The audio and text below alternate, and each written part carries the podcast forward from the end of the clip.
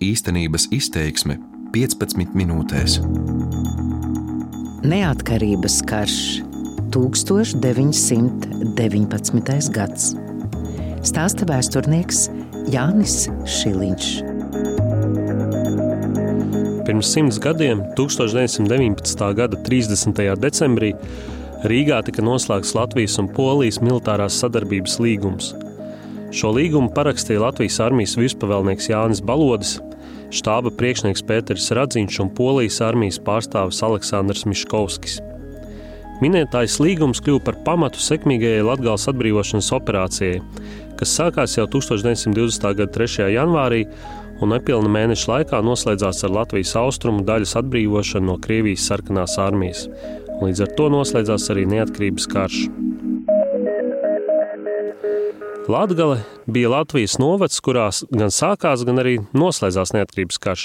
Jau 1918. gada 22. novembrī Krievijas sarkanās armijas Pleskavas strelnieku divīzija šķērsoja mūsdienu Latvijas robežu, ieņemot zilupi. Pēc nedēļas Galēnu mežā notika pati pirmā kauja Latvijas teritorijā starp pretlielnieciskiem spēkiem un tā sauktiem sarkanajiem. 9. decembrī pēc Daugopils ieņemšanas visa Latgales teritorija bija nonākusi lielnieku varā.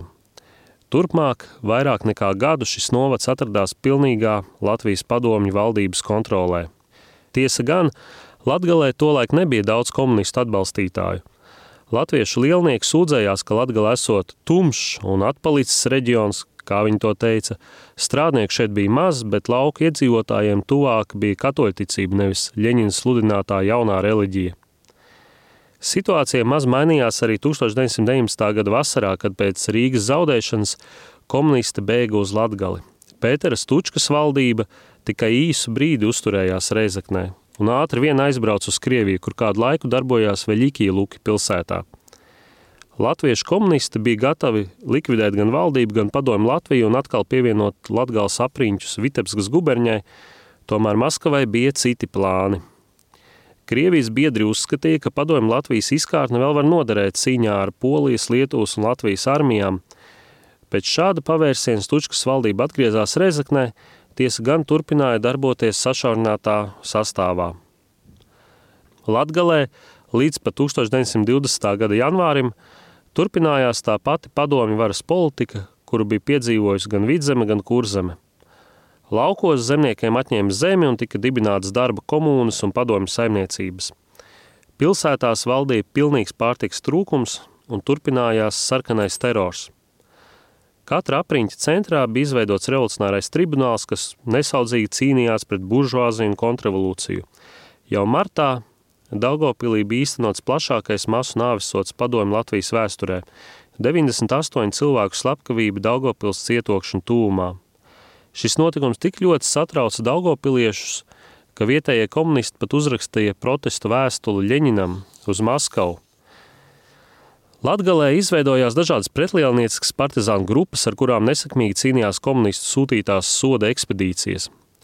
Tāpat arvien plašākos apmēros izvērsās dezertieru bandu aktivitātes – Padomju varas iestādes centās ierobežot dezertēšanas apmērus no savas armijas, taču nesekmīgi, nelīdzēja pat drauda revolucionāro tribunālu nāvis sodu. Tikpat nesakmīgi padomju vara bija cīņā ar karaspēka veiktajām patvaļīgajām pārtiks rekvizīcijām frontes aizmugurē un tīfa epidēmiju, kuru polosījās pilsētās. Vienīgais cerības stariņš bija novembra vidū saņemtā ziņa, ka Krievijas padomju valdība, jeb oficiāli to sauc tautas komisāra padome, padomju Latvijas valdībā ir piešķīrusi 200 miljonu rubļu lielu kredītu. Šī nauda tika tērēta pārtikas iegādē Krievijā un komunistu armijas uzturēšanai aizmugurē. Neskatoties uz lielo naudas piešķīrumu un sarkanās armijas papildspēku nosūtīšanu uz Latgali, kopējais padomju varas stāvoklis Austrumu Latvijā kļuva ar vien grūtāks. Vācieši ar ģenerāli Golcu priekšgalā divreiz bija glābuši komunistu varu Latgalē. Pirmo reizi tas notika jūnijā, kad Igauņu un Ziemeļlatvijas spēku īstenoto padomu Latvijas armijas vajāšanu pārtrauca vāciešu uzbrukums Cēsīm, bet otrais oktobra sākumā, kad Latvijas armijas iesākto uzbrukumu Līvānu tūmā, kas sakoja poļu sekmīgam uzbrukumam pie Daugavpils, bija jāpārtrauc līdz ar Bermontiādas sākumu. Līdz ar to Latgales frontē iestājās nosacīts klusums. Oktobrī un novembrī turpinājās tikai izlūku kaujas un dziļi reidi ienaidnieku aizmugurē, kas tiesa gan deva liels panākumus un vienlaikus arī demoralizēja pretinieku vienības. Bermontiādas noslēgums 1919. gada novembrī un decembra sākumā nozīmē neizbēgamu Latgales atbrīvošanas jautājumu atgriešanos Latvijas armijas risināmo uzdevumu dienas kārtībā. Cīņās ar Bermontu Latvijas armija bija ievērojami skaitliski pieaugusi, tāpat tā bija iegūsta daudz labāku bruņojumu, augstāku morālu un milzīgu kaujas pieredzi. Varētu mēs teikt, ka pat Bermontijāda bija pārvērtus Latvijas armiju ļoti bīstamā kaujas mašīnā, kura nu tika vērsta uz austrumiem. Turklāt bija jāņem vērā arī tas, ka Daugavpils un Latgales atbrīvošana bija strateģiski svarīgs uzdevums arī varenējai Polijas armijai, kuru tā nebija spējusi īstenot augusta un septembra kaujās, tomēr nebūtu nedomāja no tā atteikties. Polija centās panākt ciešāku militāru sadarbību ar Latviju.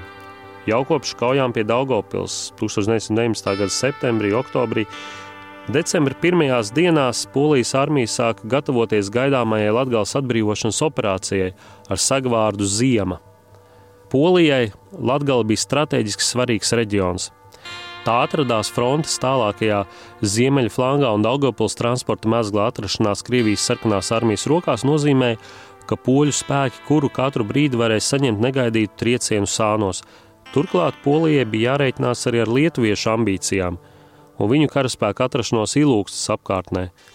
Līdz ar to poļiem bija ārkārtīgi svarīgi izveidot ciešu militāru savienību ar Latviju.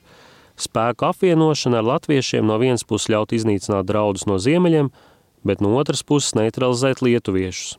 Tādēļ Polijas sadarbības piedāvājums, kuru Latvija saņēma 1919. gada decembra vidū, bija ārkārtīgi labvēlīgs. Latvijas pusē bija jānodrošina poļu spēki ar pārtiku operācijas laikā. Viss iegūtais bruņojums un kara laupījums bija jānodod Latvijai, bet iegūto dzelzceļa rītošo sastāvu dalīt uz pusēm. Poļu karaspēks solīja palikt Daugavas labajā krastā tikai tik ilgi, līdz Latvijas puse būtu spējīga ar saviem spēkiem ieņemt pretlielniecisko fronti. Līdz ar to Polija neizteica nekādas teritoriālās prasības, lai gan atsaucoties uz senajiem Žeču pospoļītas laikiem un lielo poļu minoritāti, kas dzīvoja Latgalē, viņi varēja pretendēt gan uz Daugopili, gan visu Latgali. No Latvijas armijas virspavēlnieka Jāņa Baloža atmiņām Kara troksnis uz Lietuvas-Latvijas robežas vēl nebija galīgi rīmis, kad Latvijas armijas virspavēlnieku štābā ieradās Polijas armijas ģenerālštāba kapteinis Miškovskis ar sevišķi plašām pilnvarām. Maršala Pilsudska vārdā viņš ierosināja sākt kopēju uzbrukumu austrumfrontē, ar ko Latvijas armijas labais spārns būtu pilnīgi nodrošināts. Latvijas armijas daļas, protams, piedalīsies cīņās par Daugopils atbrīvošanu līdz ar Polijas armijas daļām, pārējās Latvijas armijas daļas turpinās cīņu austrumvirzienā. Maršala Pilsudska vārdā, teica kapteinis Miškovskis. Paziņoja, ka palīdzība domāta bez jebkādām kompensācijām un citiem līguma noteikumiem un ierobežojumiem. Būtu labi, ja jūsu intendantūra varētu piegādāt polijas armijas karavīriem pārtiku, vadoties no franču armijas kara laika devām. Lielos vilcienos tādi būtu maršala priekšlikumi, teica kapteinis Miškovskis. Latvijas un Polijas armiju kopīgais uzbrukuma plāns tika izstrādāts dziļā slepenībā. Kapteinis Aleksandrs Plensners vēlāk atmiņās rakstīja, ka to aiz slēgtām durvīm divatā izstrādājuši Pēters Radzīņš un Aleksandrs Miškovskis. Gatavošanos slēpa ne tikai no Latvijas armijas virsniekiem, kuri vidū varēja būt spiegi, bet arī no Antānas valstu pārstāvjiem un lietuviešiem. Pēdējie paši gatavojās uzbrukt Daugavpilī – koncentrējot ievērojumus spēkus ilūgstas tuvumā. Latvijas ārlietu ministrs Zikfrīds Anna Meirovics izteica protestu lietuviešiem par Latvijas zemes okupāciju, bet uh, Lietuvas ārlietu ministrs Augustīns Valdemārs atbildēja, ka tā tiešām pretendē uz Daugavpili. Profesors Eriks Jakobsons tā laika lietuviešu noskaņojumu ir vērtējis sekojoši. Poļi atņēmuši Lietuvai viļņu, latvieši gatavojas atņemt tai Daugavpili. Nepatīkamas ziņas tika saņemtas ne tikai no mūsu dienvidu, bet arī ziemeļu kaimiņiem. Igauni 1919. gada 31. decembrī bija pasteigušies noslēgt pamieru ar padomi Krieviju. Līdz ar to sarkanā armija varēja pārvietot ievērojamus spēkus no Igaunijas frontes uz Latgali, lai aizkavētu latviešu un poļu ofensīvu. Abām valstīm bija jāpasteidzas, lai nenokavētu izdevīgo brīdi uzbrukumam.